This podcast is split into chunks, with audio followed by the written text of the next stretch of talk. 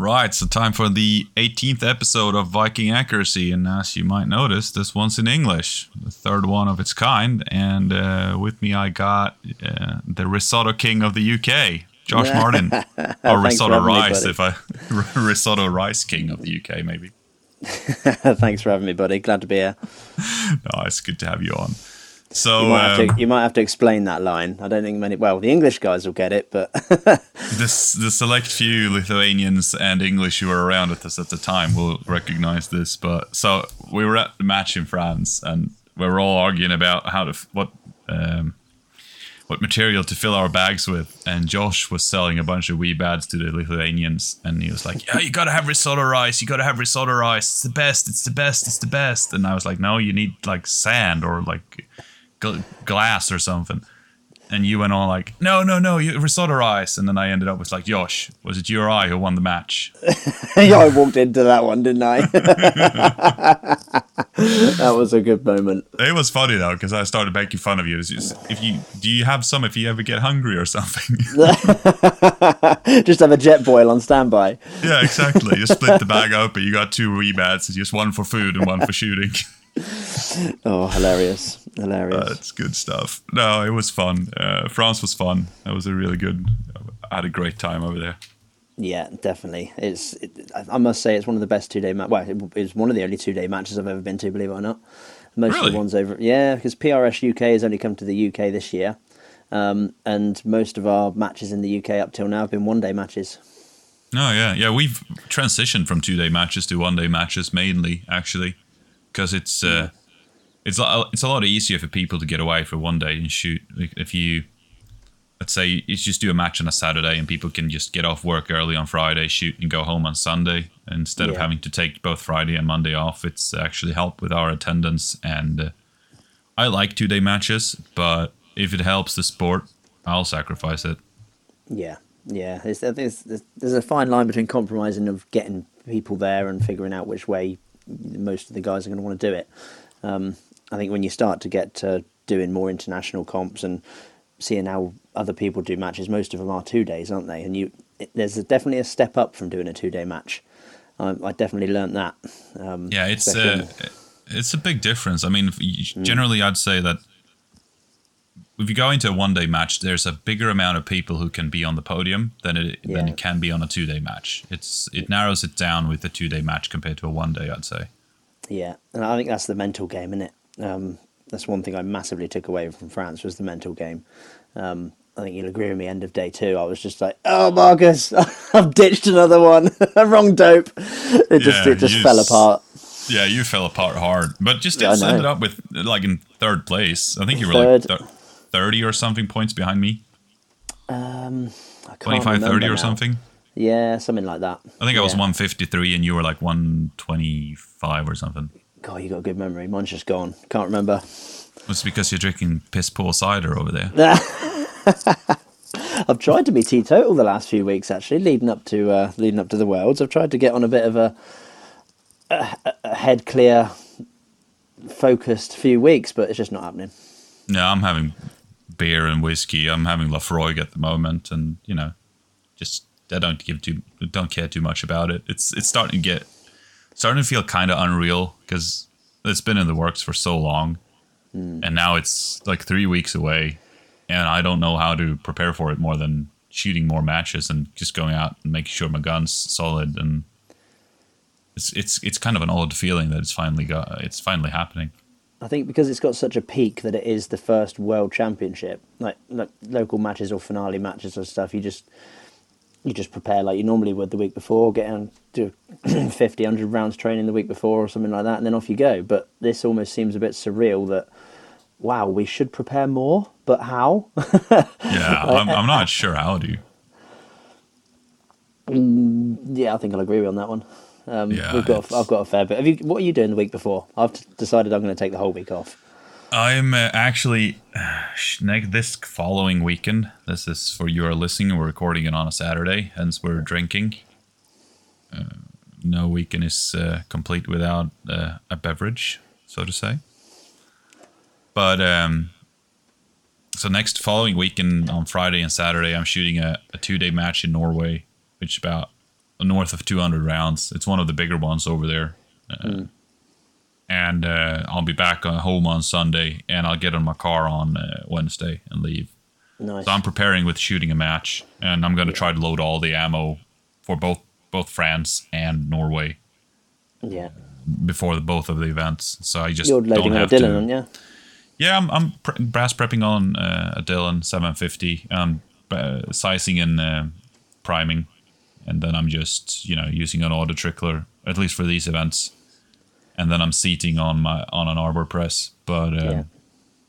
I'm always seating match ammo on an arbor press, but I'm not always using the auto trickler for matches. Sometimes I used to use a normal uh, manual powder thrower. Dear, have you found this that accurate? I've never got on with them. Really? No, I Yeah. use a Redding. What's it called? Redding three BR or BR three something. Yeah.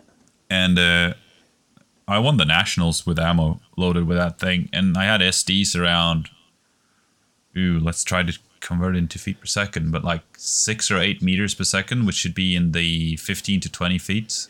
Well, that would do. I'd, that's I'd be fairly chuffed with that out of, um, Yeah, I- it did good, but I mean, we did some tests on the Dillon as well, and with the Dillon powder thrower, we've managed to be uh, like an ES of 0.3 grains, which is yeah, you know, up and down 0.15, and Yeah. I mean that does everything out to six, seven hundred, I'd say, and even 800 Yeah. if the targets aren't too small. Yeah, I'd agree. So a lot of people focus too much on you know having the exact single kernel of powder, but I'm not too worried about that really. Yeah, yeah. I think I've, I've listened to quite a few podcasts the last few weeks, um, and loads of people seem to be like the pros over in the states and stuff. They're, they're always like, you'd speak, listen to them about their load dev, and they always just say it's not as important as you think. It's really not. Once you've once you're using decent, solid components, everything, all, all the the the factor of where things can go wrong just gets limited because of the, the decent components you're using Yeah, as well. For sure. No, I, I just run Vihtavuori powder, Lapua brass, and uh, obviously since I'm sponsored by Hornady, I run A tips. Yeah, But uh, good components, solid dies, you know, good powder, good bullets, and everything. It's not much that can go wrong. And as, No. as I said, you know, an ES under 20 uh, feet per second, or even 30, I'd say, you're you're good to go. Yeah, yeah, I'd agree. Yeah, completely. So two day match before week before that is good prep. That is, yeah, that will get you. Yeah, well, it, it might be good prep. If it goes to shit, it's not good for the mind, but true.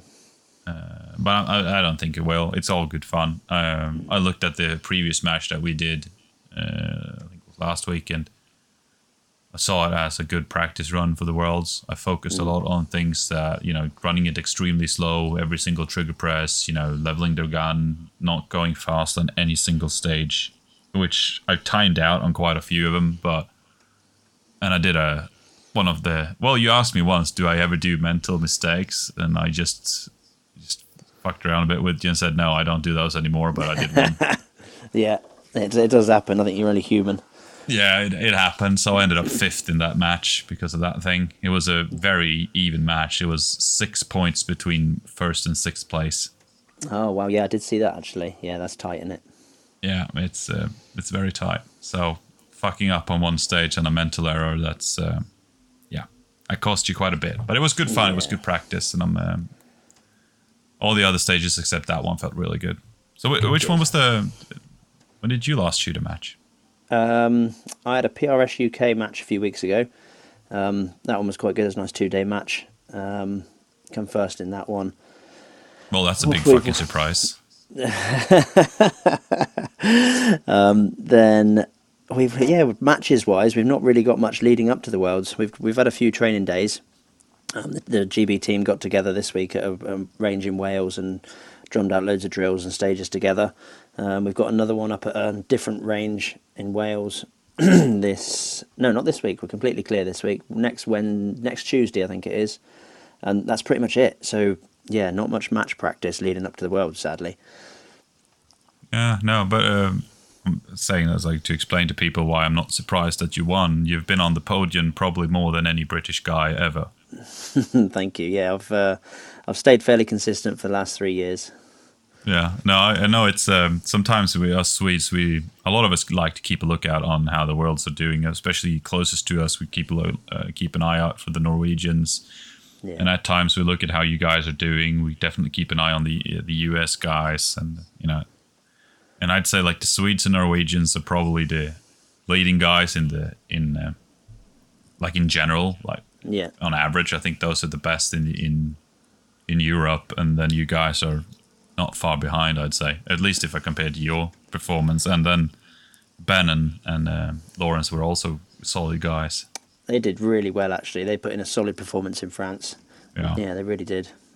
There's, So- the UK have got has got a strong crowd. I'd say there's a good, good six or seven of us that are that are up there working towards where we want to be. Um, but yeah, a lot of the time I'm I'm up there with them. Um, but every, everyone does have everyone Yeah, does, does everyone. Sorry, mate. Everyone does have a bad day, um, and not been many of them, but there has been a few ones where you just you just sort of pretty much wash the match away, and you think, what the hell am I doing? Um, and so yeah, everyone's like I say, everyone's human, aren't they? Yeah, the biggest thing you can take away from that is how do you recover after a total fucking train wreck of a stage, and uh, Yeah. that's one of the things I've worked on over the years, and I feel like that's, I it's uh, finally stuck to me and how to move on to the and just leave it behind. A few years back, I had a really tough time dropping. Like if I really dropped the stage totally, and then I to move on to the next one, I had a really tough time keeping my head in the game, but. Eventually, it just started working out. Yeah. Do you ever find like you, that you never really know what you do or how you perform or your strengths or your weaknesses until other other people tell you? Because that's that's one thing I always used to think. I used to str- used to think that I'd struggle mentally, and inside I probably was and put on a strong face. But lots of people have said to me in the past, like he just forgets it and cracks on, and then cleans the next two stages. Like, do you ever just go off of what other people say about you rather than how you think in your head? No, I think that's. I usually stick to what I think about myself because I've I've shot quite a bit over the past years. I mean, as I told you before we started recording, like in 2019 when I was second in the Guardian match in Ireland, I think I shot 9,000 rounds and I drove.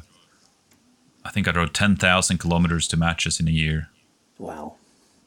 And That's- after a while, it, you kind of you, focus yourself. You get into your own little bubble, and that's that's it's kind of a key component to perform good. Is it's you have to still come uh, talk with your your team, your, your squad mates, and you know keep a good conversation going because it's good for morale and everything, and you help each other out and talk about st- strategies and everything. But I, d- I don't feel like I listen that much on on what other people say like that but uh, I, I know what my own strengths and weaknesses are and I play on them and sometimes there's a few stages where I feel like th- these are not, not my strongest sides but I, I'll just do the absolute best I can and focus on every single shot and make every single shot matter Yeah. What would you And say if, if- you had to say one strong point about yourself? What would it be?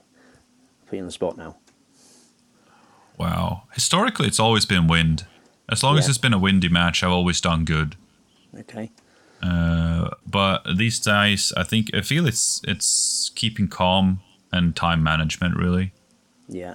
are two strong factors that I run. What about you? Yeah, I- I'm speed. I'm a speed man. Um, well, you're like a have- bumblebee. I mean, looking at you while you move around, it shouldn't be physically possible to move like that. I'm quite agile actually as well, believe it or not.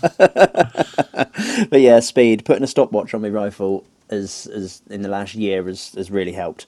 Um, just have being able to look down and see you've last two rounds left and still got 45 seconds or still That's got not good. I know. Tell me about it. so it's a, it's a strength, but it's also a weakness. Um, a couple of my mates are always saying, "Josh, slow the hell down."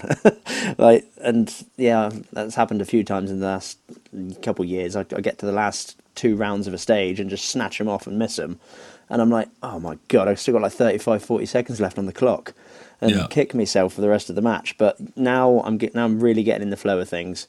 Um, everything's coming smooth and natural. Um, it's only really been the last year and a half that I've really started developing tripod rear as well, and now I can haul ass with a tripod as well as just a bag. And so yeah, I I think speed would be my, my main benefit. Now I know how to control it a little bit more. Yeah. Um, no, I'm. I've always struggled with. I always know there's another guy in Sweden who's stupid fast, and he's still stupid fast. Like Yeah. literally the fastest guy I know. And well, as I showed you yesterday, I shot the PRS skill stage barricade. Yeah, well, I thought I was seconds. fast until I saw you do that, and then then I thought I thought to myself, oh, that that yeah. must have been from like two years ago. But then I rewatched the video, and he went, "This one's for you, Josh," and I thought, "Oh, you God, yeah, that was done today." yeah, literally, there's like a few minutes because I did one take before that, and uh, for some reason, um, since I load uh, I, I, when I do practice ammo on the Dillon, I don't check for the primers, and unfortunately, one had gone in the other way, so I did I did like Oh, just no. click. I was like, ah, shit, open it up, looked at it, primer the wrong way, and it's like, oh, fuck it. All right, I'll do it again.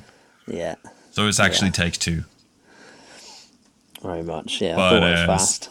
Yeah, no. So my buddy's even faster, but I've actually, I've, s- re- I'm really, I've really, really tried for a long time in in slowing the fuck down because Yeah, there's no point in in going fast really because time isn't a factor and there was a lot of stages at matches and you're like oh you're good you're uh, 8 out of 10 and you got 65 seconds left out on 2 minute stage and I was like what the actual fuck yeah, it's stupid, isn't it?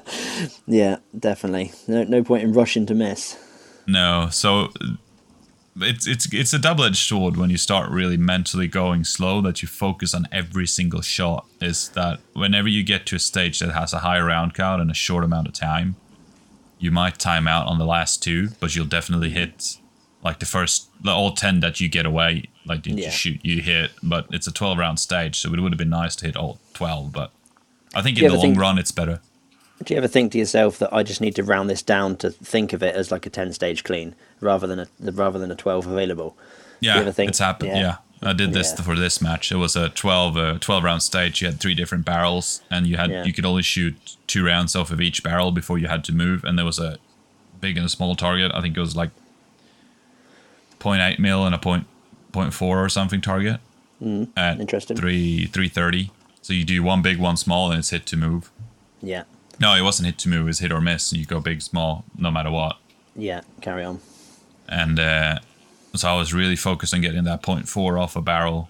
This is Yeah. about one barrel was standing up, one was on the, its side. Uh, there's a two different sides, so one was facing towards the target, and one was side, facing the sides of the range. Yeah, So I really focused on every single trigger press there, and I got uh, I just closed the bolt on round number eleven and lined up the the bubble level and everything. It was just about to pull the trigger, and the time went like beep. So yeah, Yeah. well, I got ten of that. the ten I fired, but that's what I was aiming for. I was aiming for ten. yeah, But I think Yeah. that's um, I, I like that approach more than actually going into it thinking I got to get all ten and said Me I'll too. I'll do all.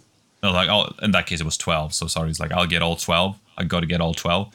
But if Yeah. you go into it with a mental mind set of I I'm gonna shoot for ten out of twelve and I'm gonna hit all ten because there's plenty Yeah. of time for that. yeah. You, you've analysed it, figured out what you can do in what time, and just go with it at that pace. Yeah, I, it's it's way better because if I would have rushed it to get those uh, twelve off, I might have gotten eleven and I might Yeah. have gotten a nine, but I definitely wouldn't have gotten twelve. Yeah, very true. Yeah, or you would have stumbled mid midway thinking you weren't at the right time, or you missed one and still carry on rushing, and then snatch one, and it just all goes to pot, doesn't it? Yeah, no, it happens all the time. Uh, so I, I've I moved away from that really. So if I look at a stage, and it's like that's way beyond my capability of moving. I mean, I, I, I could move fast, but then again, I'm not as accurate anymore. So I mean, you, there's always guys who will move that fast, and some of them are accurate, but some most of the time people get lucky and get a 12 out of the 12. Yeah, There's not a lot of guys who can run really fast and be accurate at the same time, and I'm I'm not. I'm too heavy to be that fast. Yeah, yeah. I almost feel that I move fast but shoot slow. So as soon as that trigger's gone and the bolt's back, I'm I'm hauling ass. But then when you do come to actually in and you're on the reticle, even if you've only taken one and a half to two seconds to, to like straighten up and, and center, it feels like you're taking a feels like you're taking five minutes on target because you need to then slow that down. And you might only be there for three seconds, but it feels like an eternity. Oh yeah, it's like it's like oh, it's gone 15 by now, and then it's actually it was like three.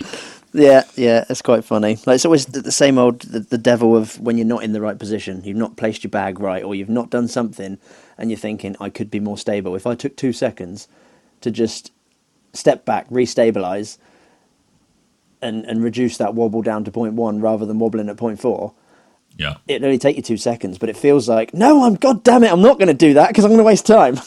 no, that's one of the things I worked on actually a lot from um, started working on that pre-COVID actually, and uh, really working on getting the bag right the first time, and then I already so going into matches, I told myself if the bag is not perfect, I'm going to reposition it every time, no matter what time is on the clock. I'm going to Yeah. always reposition the bag, Good and. Uh, at, at first, it was slowing me down a little bit, but once you got used to it, you also started learning on how to position it properly, and then it's just yeah, good almost like 99% of the time you place your bag in the right place yeah, yeah. I'd agree. So going back to the match, how do you reckon it's going to go in France? Do you reckon they're going to have similar sort of props to what we had at the the unofficial European Championship?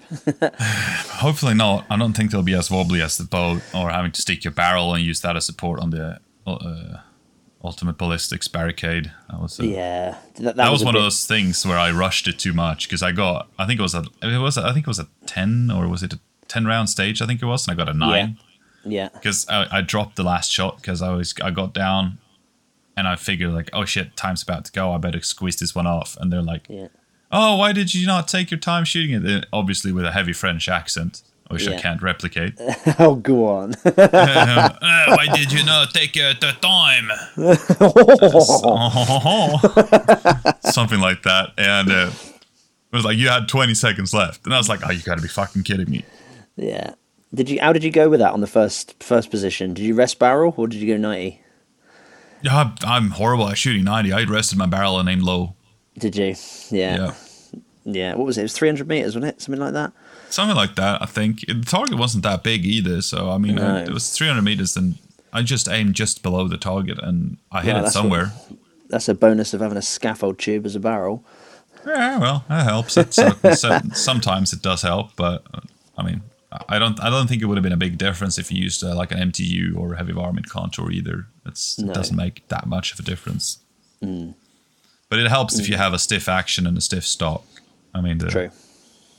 You're running something that's a bit, you know, not as solid, or if, if or if it's not bedded, it, it might get your point of impact might get wildly off instead of just a little bit. Yeah, I did test it when I come back from France, and mine was about two inches, an inch and a half to two inches at a hundred, I think. Um, it, Yeah, was, was a good the- good inch. Yeah, so that's what that 300 would be. Yeah, so that's Yeah, that's about what a- I hold under under the target, probably about one target low. Yeah, yeah, it makes sense. Yeah, That there was, was, some. uh, I didn't like the spring one, the, the the wobbly bed with the springs. That was No, I think I dropped three on that one. yeah, it wasn't a good stage. No, it was uh, it was hilarious because when I got up there, I was like, I'm happy if I get three. I think it was a I think it was a ten round stage and I got seven or something. It was Yeah. an eight or I got a six. Or. I don't, remember something like that. I think I dropped three rounds or something. Yeah, And then I The got it off. Got got off the stage and the guys comes like, uh, where the, where did you place uh, yesterday? I was like, uh, no, I was uh, I was first yesterday. Uh huh. Oh, that explains a lot. Like, you've got a good French accent. no, it's uh, I got the the guy who I usually do this podcast with is a really good friend of mine. He's half French, so he'll probably kill me after this. I was gonna say the French guys are gonna be laughing like hell at you. yeah, yeah, probably. But first night time I mentioned the the, the um, Charles de Gaulle uh, or however you pronounce it. I'm sorry, Louis, but he'd said just don't just say the airport. I was like, why? D- just don't pronounce. You're butchering or one of our famous generals or whatever he said. I was like, oh, I'm I'm sorry. I'm, Oopsie. he was like, he doesn't have to die twice. Hilarious. The ropes were quite good fun. I did enjoy the ropes. Uh, well, I say I enjoyed them. I didn't enjoy them, but I think I was lucky on that one. Um, a lot of my squad, I, I the, uh, did the double pull with me, so I was on the fence whether the double pull all the way out wide would come in and touch the, touch the two vertical frames. Yeah, and did I was the the same. first. Yeah, I was the first one to do it, and my squad all looked at me like, "Is he allowed to do that?" and I just thought, yeah, I'm just I'm just going with it, and it worked. I think I got eight and nine on that one. Yeah, the, the French got a pretty good. I think they got a pretty good um, what's it called mindset around or, or on how they run stages. Like there are literally no rules on how you can run a stage. If Yeah, if they say you have to use this as support, then it doesn't matter what other support you use as long as something on the rifle uses that as a support. yeah, yeah. They're, and they were they're all they were they're very you can use whatever you want. There, I, I think, and also I asked Philippe for the worlds. It's like, is it still going to be the same? He's like, there's no rules. You can deploy your tripod prior. You can do whatever you want as long as Yeah. it's following the instructions of the stage. You can do whatever the fuck you want. Yeah, I think it was quite good. They, um, well, I didn't think it was quite good because I was going to come up with my own plan. I brought my uh, my tactipole, the, the old trend of the pole that I started, and I brought that with me, just thinking shits and giggles. They might say no tripods. Well, there we go, perfect opportunity. I'll bring out the pole, and right at the beginning when they did the brief, they said if there's no rear support or tripods, that that includes everything. No poles, no brushes, no no nothing. Yeah. There was no rear support on that rope sway, was it? Or how was no, it? it wasn't. No, it No, wasn't. it's just a frame when you had to move the rope down, didn't you? And Yeah, just a horizontal rope. Yeah. Yeah, there won't be any anything like that on the worlds. Uh, I, I I'm not sure about the what the obviously since I'm competing and and I'm one of the top dudes. So Yeah. if I knew about the matchbook, that would be kind of a bad thing, A little bit. uh, a little bit. And I wouldn't uh, let you. I wouldn't let you live that one down for a year or two.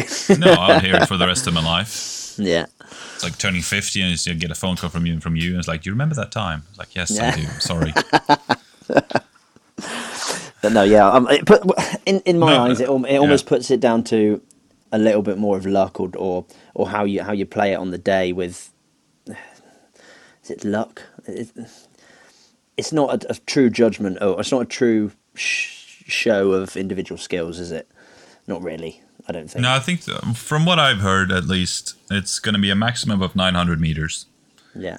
and everything's going to be solid. There's nothing. There's not going to be any wobbly stuff, and uh, I think there's going to. Oops, sorry. Uh, I think there's going to be a lot of target, like troop lines and target transitions, Yeah. but Yeah. it's going to be solid props. Everything from what I've heard. Uh, as I said, I, I don't know what's gonna what we're gonna see, but uh, that's that's what I've heard.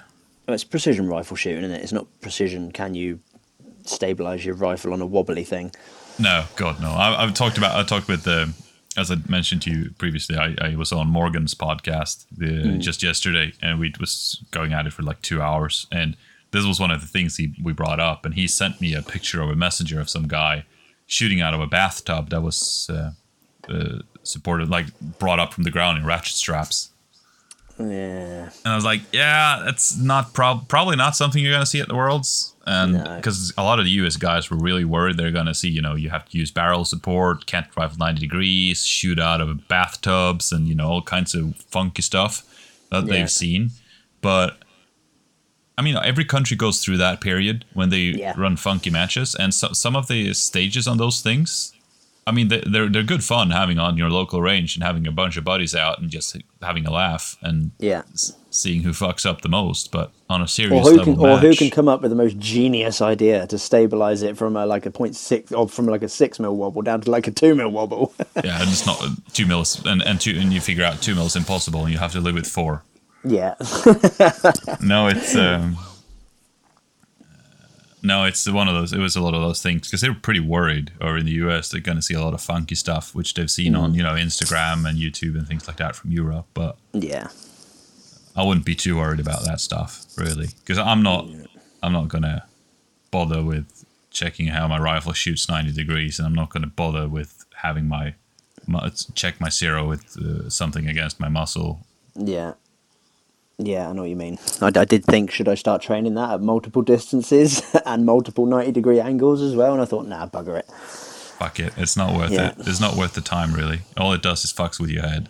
Yeah, very much so. And you can't remember, well, you could document it all, but Jesus, there's so many more things to think about that you can be doing tweaking rather than worrying about tiny little things which are going to trip you up. Just go with what you know. Exactly. That's the most important thing. That it's it's kind of hard because this if so this match that we had, one of the mental mistakes that I did was because I've I've usually priorly never dialed wind, but I've started to dial wind if there's a fixed rate, fixed distance because I Yeah. much more like to be in the center of my reticle if there's just one one distance like 800 meter target. Yeah. I go in as like okay, so it's about it's uh, between a 1.5 and a two mil wind Yeah. And so I'll dial at maybe 1.4 just to be closer to the center. And I, I like that. Uh, it's it's given me a, quite a few points on certain stages, but you really have to remember to reset your windage.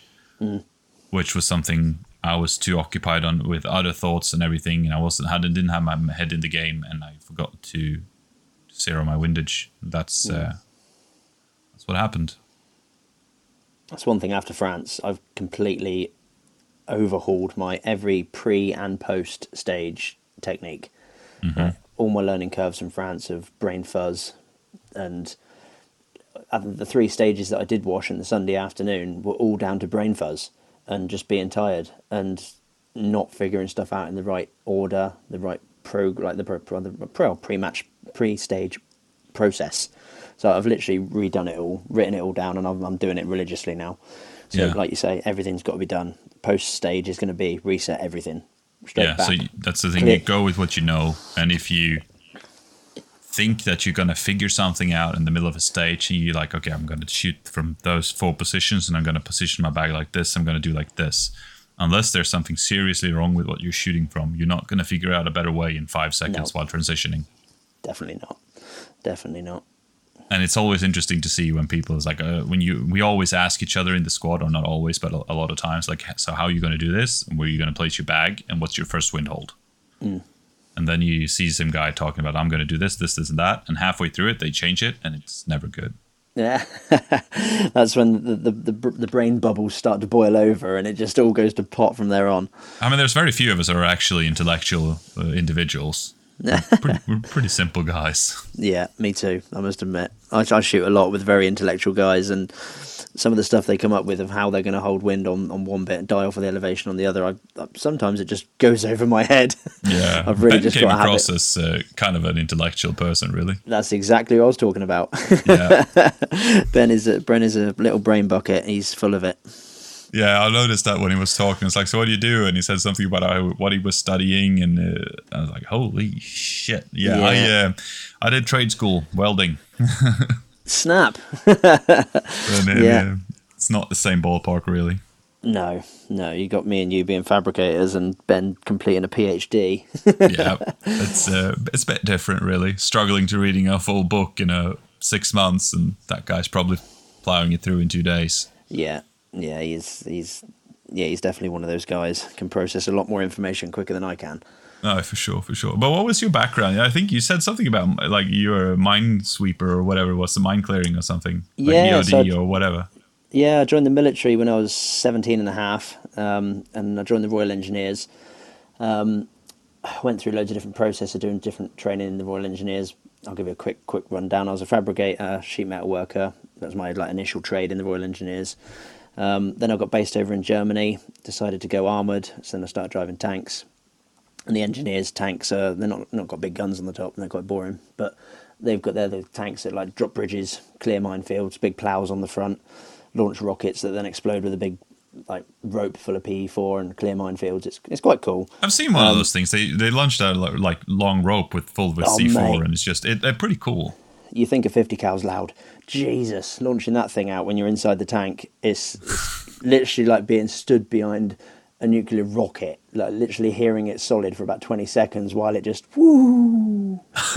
and then, then it goes silent for about five seconds, and then whoop-ow, it just blows a clear strip, like clear strip straight down through a field of like I don't know, I can't remember the, the specs of it now off the top of my head, but it's like 10 meters wide by like 150 meters long.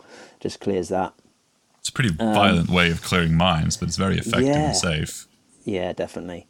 Um, so yeah, I went armored, and then after completing that course, the like the tank driving course and the skills course, we went to um, did a six month stint in Iraq. And before the engineers went out for that stint, we they've always got to provide high risk search. So the engineers will be going out doing road clearance, um, like rapid response to IEDs that go off. We go out, isolate the area, look for secondaries and stuff like that. Um, also get dropped in by heli, go to clear like houses and bomb making factories, trying to look for stuff that goes bang. Um, so yeah, I did that for five years. Um, got quite bored. I was based over in Germany in a place called Hohne, three two engineer regiment, and it was a, it was a dive. It literally was a dive. Um, spent every weekend just on the piss and not saving any money. For all of us wonderful Swedish audience over here, uh, it was a dive. It sucked, uh, and you're on the piss, meaning you're not drinking piss. You're you're Oh yeah, intoxicated by alcohol. Yeah, very true. And I uh, just saw. you have to take it easy with the the fine British words. It's not all of us understand it. everyone says I am well. I do speak Cornish, and a lot of even guys in the UK don't quite understand a lot of the stuff I say. Oh, I get you. Um, so yeah, that was that was Germany, and that was when I was in the forces. Um, I left that, come out and did a bit of CP, close protection work in and around Oxford for a few years. Um, and then my partner, who I was with at the time, fell pregnant. So I, was, I thought, right, about time I settled down and started doing something a bit more serious. Um, so I come back to Bude in Cornwall and started a flat roofing company. That was just off a whim, learning how to do it on YouTube. Um, so then it that turned out Do being you have quite that successful. on your like resume when you send it out to people? I learned this on YouTube. Yep, hashtag learnt this on YouTube. it works. It honestly, it, it's it's turned into my bread and butter job now. Um, that is what gets me the money, and uh, that's still my career at the minute. Um, alongside, You The run a shop. little shop, don't you? yeah, I've got C two Precision in Cornwall. It's a little gun shop. Um, it's more, well, I say more precision equipment, precision high end precision based stuff, but it's not. I, I literally since I started, I thought I'm right. I'm just going to focus on the PRS equipment, the chassis, the good rigs, good scope, high end stuff, Not a big market.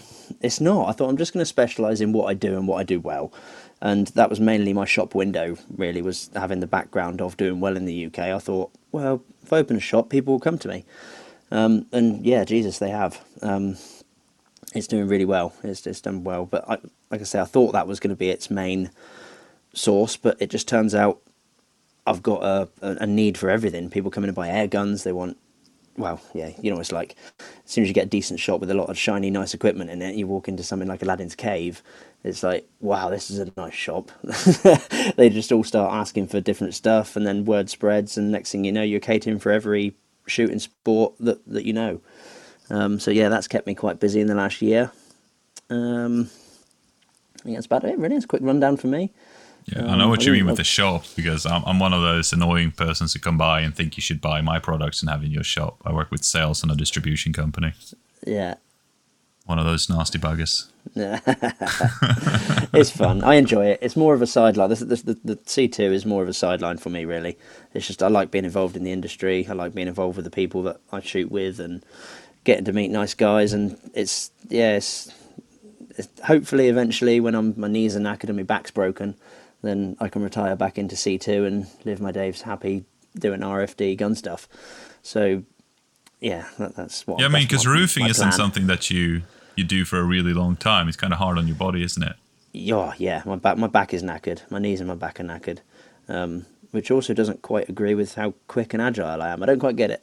No, it doesn't make probably the- sense. As I said, Probably the amount of sports should- massages I get every week. probably. no, it's uh, no, it's interesting. No, I remember you said about that uh, mind clearing thing, and I was always like, "What? What was that?" It's like, "Wow, he's." Uh, yeah, I was just started thinking about it, so it's uh, no, I it was, was quite a cool about it. job, actually. Yeah, it really was. It was one of the, the the best rewarding things I did when I was in the forces. You know, you come back from a six month stint and you think, I really did some good there. Like Yeah. you stopped a lot of people getting blown up, and you found a lot of shit that could hurt a lot of people. So, yeah, it was quite good. Yeah, uh, that's good. Give me a little re- refresher on that thing because by the time you told me about it in France, I think I was about a bottle or two of wine down the drain. So We were quite a few. I think Felipe was just coming through the window at that point, wasn't he? that was the most hilarious thing. We are like, "Oh, I wonder when Philippe's coming out," and then he's just knock, knocked on the wi- on the window at the restaurant, and he's just dunk dunk dunk, and we open it up, and he jumped through and just, "Hey, waiter, waiter!" I was like, "Yeah, beer More or beer." wine or whatever you want," and it's like everyone was just, "What? Did you just come through the window?" And everyone, even the, the staff, was like, "Oh, it's fine." Oh, I've got a great picture of him doing that. It's hilarious, really. Yeah, And it good. was uh, it was interesting seeing the change of mood because during the day when he was the match director, he was very very serious and you know had his mind in the game 100 percent and yeah. he wasn't to be joked with. And and then after the match and we were out eating, he came by and it's like, wow, this is a completely different person. Yeah, yeah. I had, I had to sort of double take when I met, got, got to the match and met him. I thought, is is this him? He always looks a bit too serious. Every time I spoke to him on the phone before that, he was really friendly and like really, Yeah, yeah, really yeah, chatty. same. And then you get there and he's like, this guy's got a focused head on. Yeah, is, has something happened? Is something wrong? It's like, what did I do? I'm sorry. yeah. that was uh, that was good fun though. It's um, I'm looking forward going to back to that small town. I liked it. Me too. Yeah. Uh, uh, Where were you staying actually?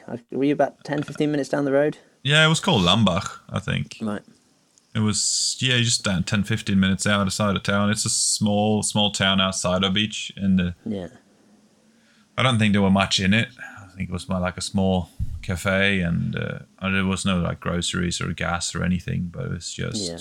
just a small village, really. Uh, I think we really lucked in on finding that hotel. Like that week that we were there, we thought, right, it's going to be busy in August. We're, we're just booking it up now. Like it was, we, it was a great location. They got a really nice restaurant in town. Does good frogs legs, good snails. so you're staying at the place where we ate. Yeah, where, where you came over, that's our hotel. Oh, nice. Yeah. No, you can't share a bed with me. I'm sorry. I would love to, especially after we've had a bottle of wine and frog legs and snails. Two, two, two bottles. I'm not sharing my bottle. I have one each.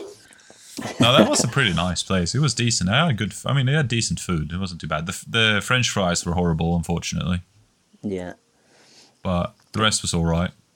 I loved it just being five minutes from the range. It was it was a delight not having to worry too much about getting up an extra hour early and Yeah, I think we had. I think it was like a 15, 20 to the range from the house or something. Not quite, Yeah. but Google Maps said one time that's not accurate because it's France and well, roads are kind of small. It was interesting seeing all the because we drove through the, the smaller roads behind the, like the hills and everything between the towns, mm-hmm. and almost in every corner was an old Nazi bunker.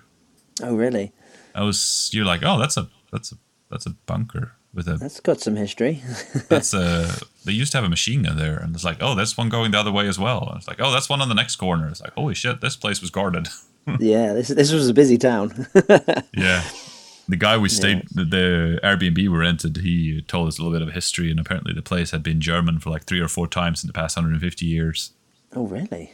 yeah it's a quite contested area and uh, after world war ii when the town was liberated from the germans there was some paratroopers i think it was from the us and he said they called themselves the sons of bitch Ah, brilliant.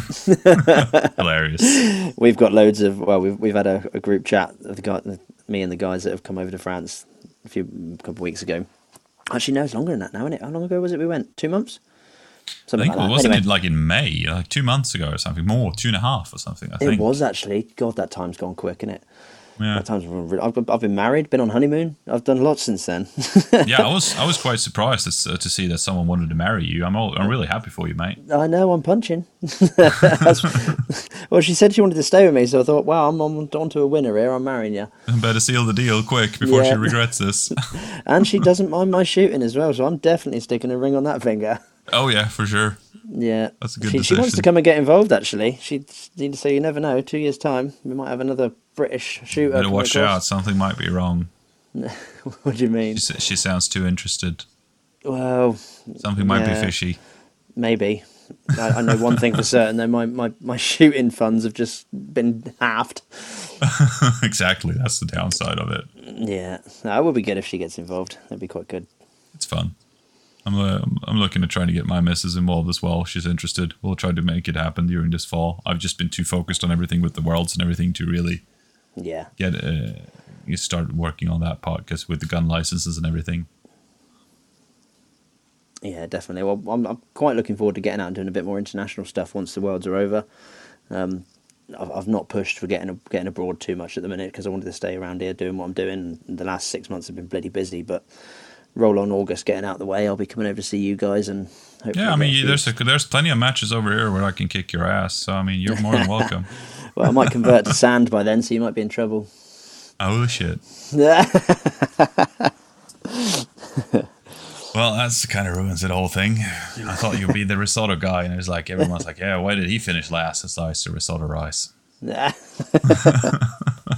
actually, I've actually got some some thought process behind it. Like it's not just because I find it the best. Um, like the good combination between weight and surface area is great for me. Like it, I don't know, it just seems to work unless I've just never tried the right sand. There is definitely a bit of black magic there with the correct sand, isn't there? Oh yeah, it's I've, I've tried like because now I got I use uh, glass, uh, and then previously I used sand that was point point two to one millimeter coarseness, and I've tried like four or five different types of sand, and anything but this one that I have is absolutely horrible. Yeah. Yeah, I've I've narrowed it down now. I've been on the case. I spoke to Rob from Wiebad, and we've been we've been talking about the sand variation of what it is, and I've I've literally narrowed it down to the right one now. I'm waiting for a 25 kilo bag to turn up to to swap it over, but I don't think I'm going to change too much before August. No, So you should stick stick, with with what you you know. Yeah, stick Yeah. with what you know, and whatever works for you right now is not something you want to change before the world's to get No. used to. Because whatever you change, if you change, if you change your car, oops, sorry again, that's the whiskey. Um, if you change something, like you change your cartridge, you go up significant amount of velocity, you change the bullet, you change your bag, change the scope. It, everything takes a time to get used to, and if you do that just a few weeks weeks before a big match, you're fucked.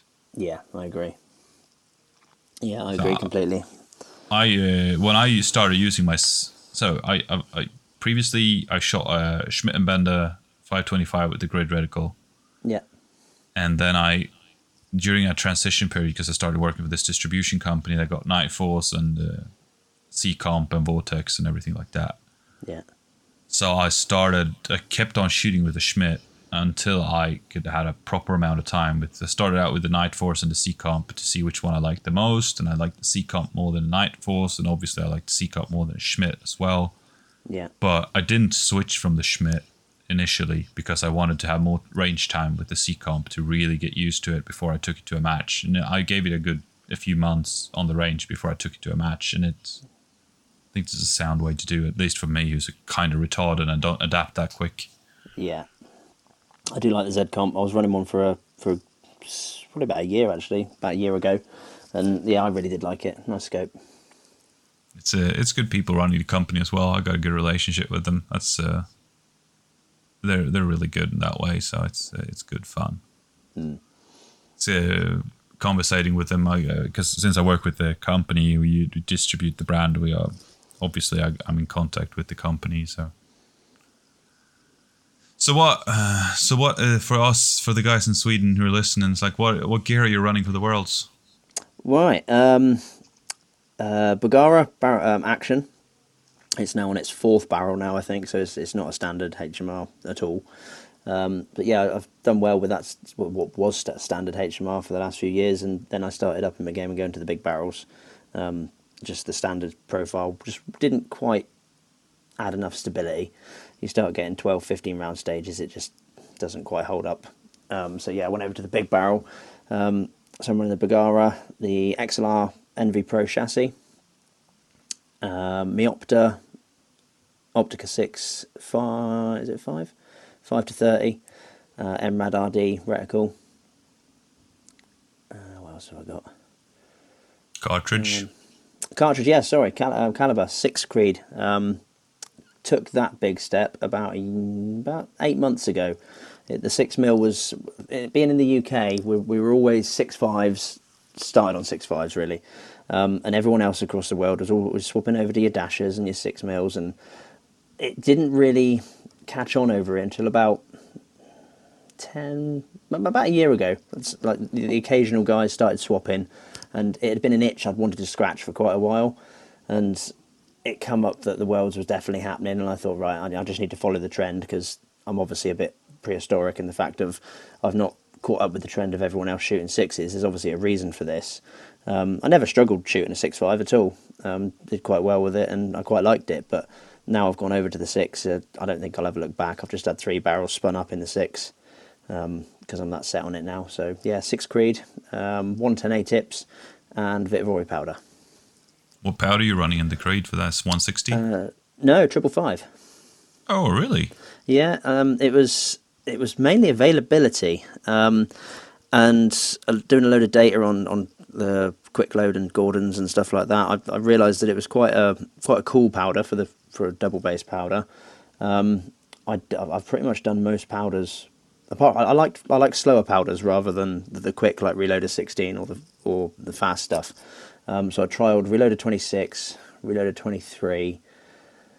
Um, I went to an RS 70 for a little while, but that, the velocity on that was just crazy. Um, so I wanted to come down to something a little bit more reliable that I could buy in bulk. Um, RS was starting to come, become a tricky powder to get hold of.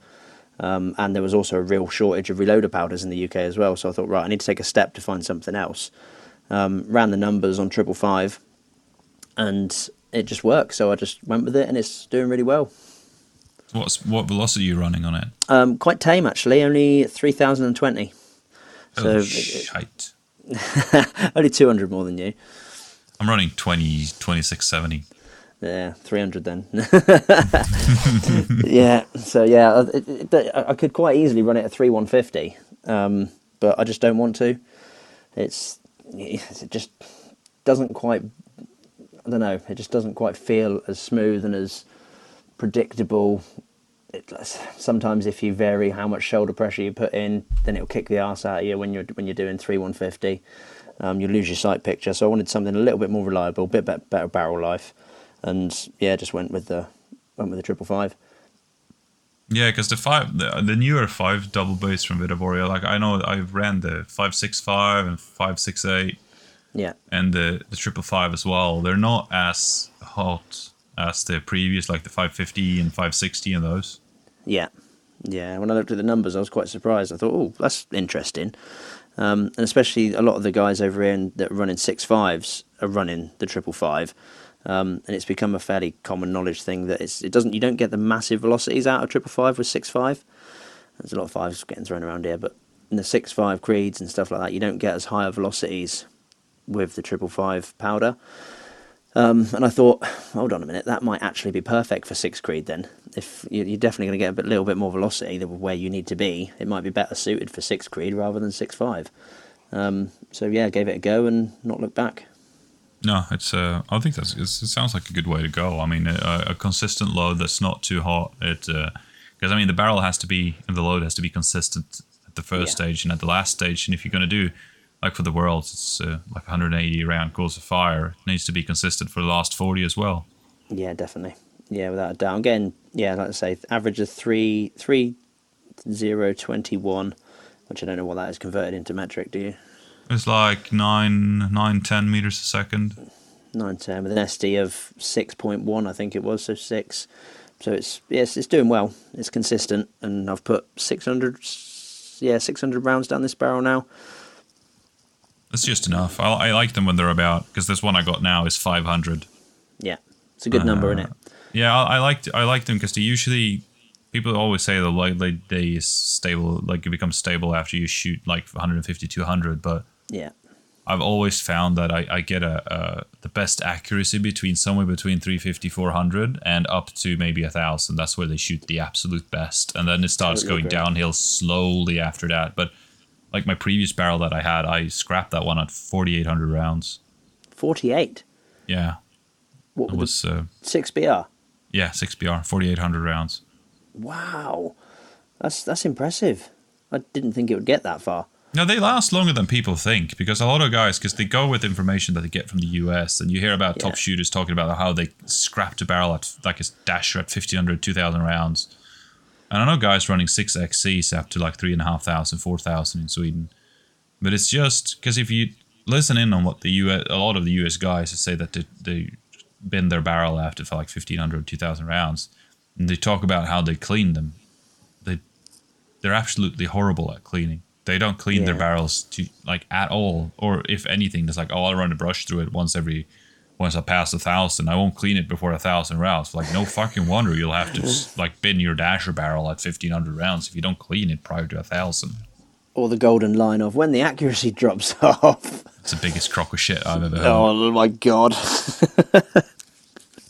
yeah, I'm, like- I'm a, after every match clean guy now. Like, yeah, I, I try to do every maybe between every two and three hundred rounds. Really, sometimes Yeah. I've tried to push it to four, five, six hundred on a new barrel just to see. Like on my training, I got two barrels. So I got one for training Yeah. and one for matches. So I'll I'll abuse the training barrel a bit more Yeah. just to find out what what the cartridge can do and how long it will take before I have to clean it and do things like that. So it's a bit experimental. So I've shot at the most. I think it's like six or seven hundred rounds without cleaning. And And if you, not what have you found? It's not really like you you really need to clean between that 3 and 500 depending on your barrel even with the BR Yeah. like if you go past 500 it starts opening up a little bit and then it starts to get kind of unpredictable once you get north of 500 Yeah. you can Yeah. still shoot a match with it but it's you know you won't you probably won't finish first Yeah. so Yeah, I mean, you don't want that in your you don't want that in your head, do you? Approaching No, 350, really. starting a match, thinking, oh, in the next 200 it could go walkies. Yeah, I mean, it opens up. It opens up quite a bit, and your ESSD also starts to suffer a bit. Uh, Yeah. But as I said, like if if your barrel is new, you could easily shoot 500 rounds without cleaning. Like between 100 and 500, you probably don't have to clean on a BR variant. Right. But if you clean regularly, the barrel will last a lot longer than what they say on the American podcasts and on the American forums as well. I mean, as I said, 4,800 rounds down the BR. It still shot pretty good for about 100 rounds, but started going downhill pretty fast. And my gunsmith had the time to put a new one in, so I binned it and got a new one. Yeah, it's really nice starting to like work my own way through barrels now. Um, just previously going off of horror stories and what what things last and how long you should clean stuff, like getting your own experience with two or three barrels, and then carrying on with the same calibers. It's, I, uh, I, uh, it's almost a breath of fresh air that you know what it will do then, and getting your mm-hmm. own experience rather than going off of horror stories you've read on the web. Yeah, and usually when you look at the web, there's a big difference in how long your barrel will last depending on what powder you got. So Vihtavuori powders, I found that they, they usually the barrel lasts a bit longer. Yeah, I, I run I run the 150, uh, and that's a very cool powder. So the, depending on what powder, so you run the 555, that's also a very cool powder. It will make your barrel last a lot longer. So if you would have run a like a 560 instead, fucking hell, that thing would be cooking.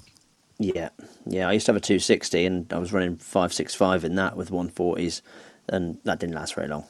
It didn't. No, I think I was cooked in 1400, 1500. I did run it right up to the top top lot though.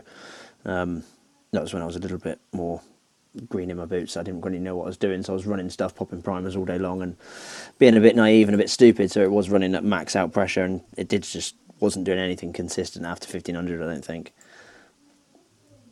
Yeah, I ran a like when I first built my BR back in 17, I um, I had a 28 inch barrel on it, and uh, I ran the BR with like 30 something grains of 550, and I pushed 105s at the 3020 Yeah, that's good. with a good. With a BR. Yeah, that's hauling. It's uh, let's just say that those primer pockets I had Norma brass at the time. Uh, th- they were like the, the brass was one fire and forget. You just you didn't Oh, pick it up. really? Yeah, they were fucked. Yeah, but you were doing that in, in France with your with your Lapua stuff. No, it's because they were running on that. I was like, I've reloaded them a bunch of times, and it was just to fuck with you. And because you were guys who were like, oh, don't you want your brass? Don't you want your brass? And I just did like a Salt Bae thing with my brass down the trash can. I don't want this you. anymore. Yeah, I've just to fuck with you. Really, I'm, I'm quite careful with my brass, really, but just to fuck with you, that was totally worth it. Oh, I'm getting to learn the real Marcus. Well, I got I, that was uh, no, it's good fun. Uh, we've messed so much with you guys back and forth over the day, so I just felt like I had to do it. Like, 'cause Yeah. about Lawrence and Ben and everything. I, I, I mean, it was always a blast when you guys showed up behind it, and it was just it was just hilarious. I want your babies. Yeah, I didn't hear that until afterwards. oh my really. god, that was hilarious. I've got that on video. Yeah, I put it up on on Instagram as well. I was just, oh god, it was hilarious. It I was. laughed my ass off. Have you got um? Have you got like a schedule of what we're what we're planning in August? Like what days are we shooting? Who's shooting with I have who? no idea. No I think. I think that Open and Ladies Open is shooting together for the. Yeah. And I'm not sure if we shoot the first two days or the last two days. And the rest of the guys are shooting the other two days. Sweet. I get to whip. Get see myself get whipped by Alison then. yeah, we're probably all going to get whipped by Allison. It's uh, it's going to be interesting. I mean, she's Yeah. solid. Uh, we've actually gonna be took us. hum- the- it's a humbling experience. yeah. Yeah, for sure. We talked, me and Rob, with the trophies for the whole thing because there's one. Because there's, you know, everyone gets, you know, those glass trophies that we got down there. Yeah. They've made for what for what I've understood, they made those as first, second, and third, and things like for team. You every everyone member of a team gets one of those if you're third in team and such things. Yeah. And then there's two. Rob's 3D printed a massive trophy for Oh, the one yeah. who's who's like the the top overall shooter of all divisions, like who has the Yeah. highest score of everyone, no matter division. And then there's the top team, which is also no matter the division, so like the Norwegian factory team or whatever. Yeah. And so me and Rob sat down and and I said just kind of ignorant, it's like it's gonna go to an open guy, and Rob's like, no, maybe not. I was like, what do you mean? It might go to a lady. I was like, oh shit, you're right. We got Allison's coming. Fuck. you're right. I was like, it's probably, it, it, there's a good chance that that trophy's going to go home with a woman or a young lady. Do you reckon? Maybe. I mean, she's done really, really well, and if she keeps it together, I mean, at, at that level, it's all it's all mental, really. As we've True. talked about previously, like all those people, like Allison and uh, and the other uh, women who are showing up are also really good shooters. But Allison is totally on top, like with the same level with the other open guys who are showing up. And Oh, if- really? Is she? Is she that good? yeah, she's that good. I Oh, mean, wow. she's she's performed really well in the AG Cup, and she's she was like in the top. She's won a lot of two day matches over there. Wow. And an added bonus, she's not got any testosterone running around her system. Exactly. Which is We're all going to be in a right old mess. No, not at all. We all get all red blooded and start getting panicky when we don't do well, or we just all, all the men want to beat each other, and she's just there, cool as a cat, plodding on. Everyone's running around like King Kong and just pounding the chests. It- Yeah, I, I- cl- I cleaned it. I- Yeah, that's, that, that's it. That that is going to stay now. We, me and you are going to be doing that in France. yeah, running around instead of all the ho ho ho. How did you do? Oh. Cleaned it. That was hilarious when one of the guys in our squad, uh, when we were doing the ho ho ho, and he was like, Uh-huh. um, "Excuse me, um, uh, is that uh, is that how we sound sound to you?" I was like, no, it's kind of exaggerated, but almost. Pretty much, A little, pretty much. A little bit. A little bit. Hilarious. And all the guys good. were doing that for weeks when we got back, even in the UK. ho ho ho. As soon as anyone started laughing, it just all converted into. No, I'm, I'm really looking forward to spending my time down there. It's going to be good fun, and we're going to have to go out for a few beers every now and then as well. I mean, I'm not sure. With, Yeah, I think we're staying like northwest of the town, 10, 15 minutes out. But I sure shit hope they got a taxi service. You'd hope so.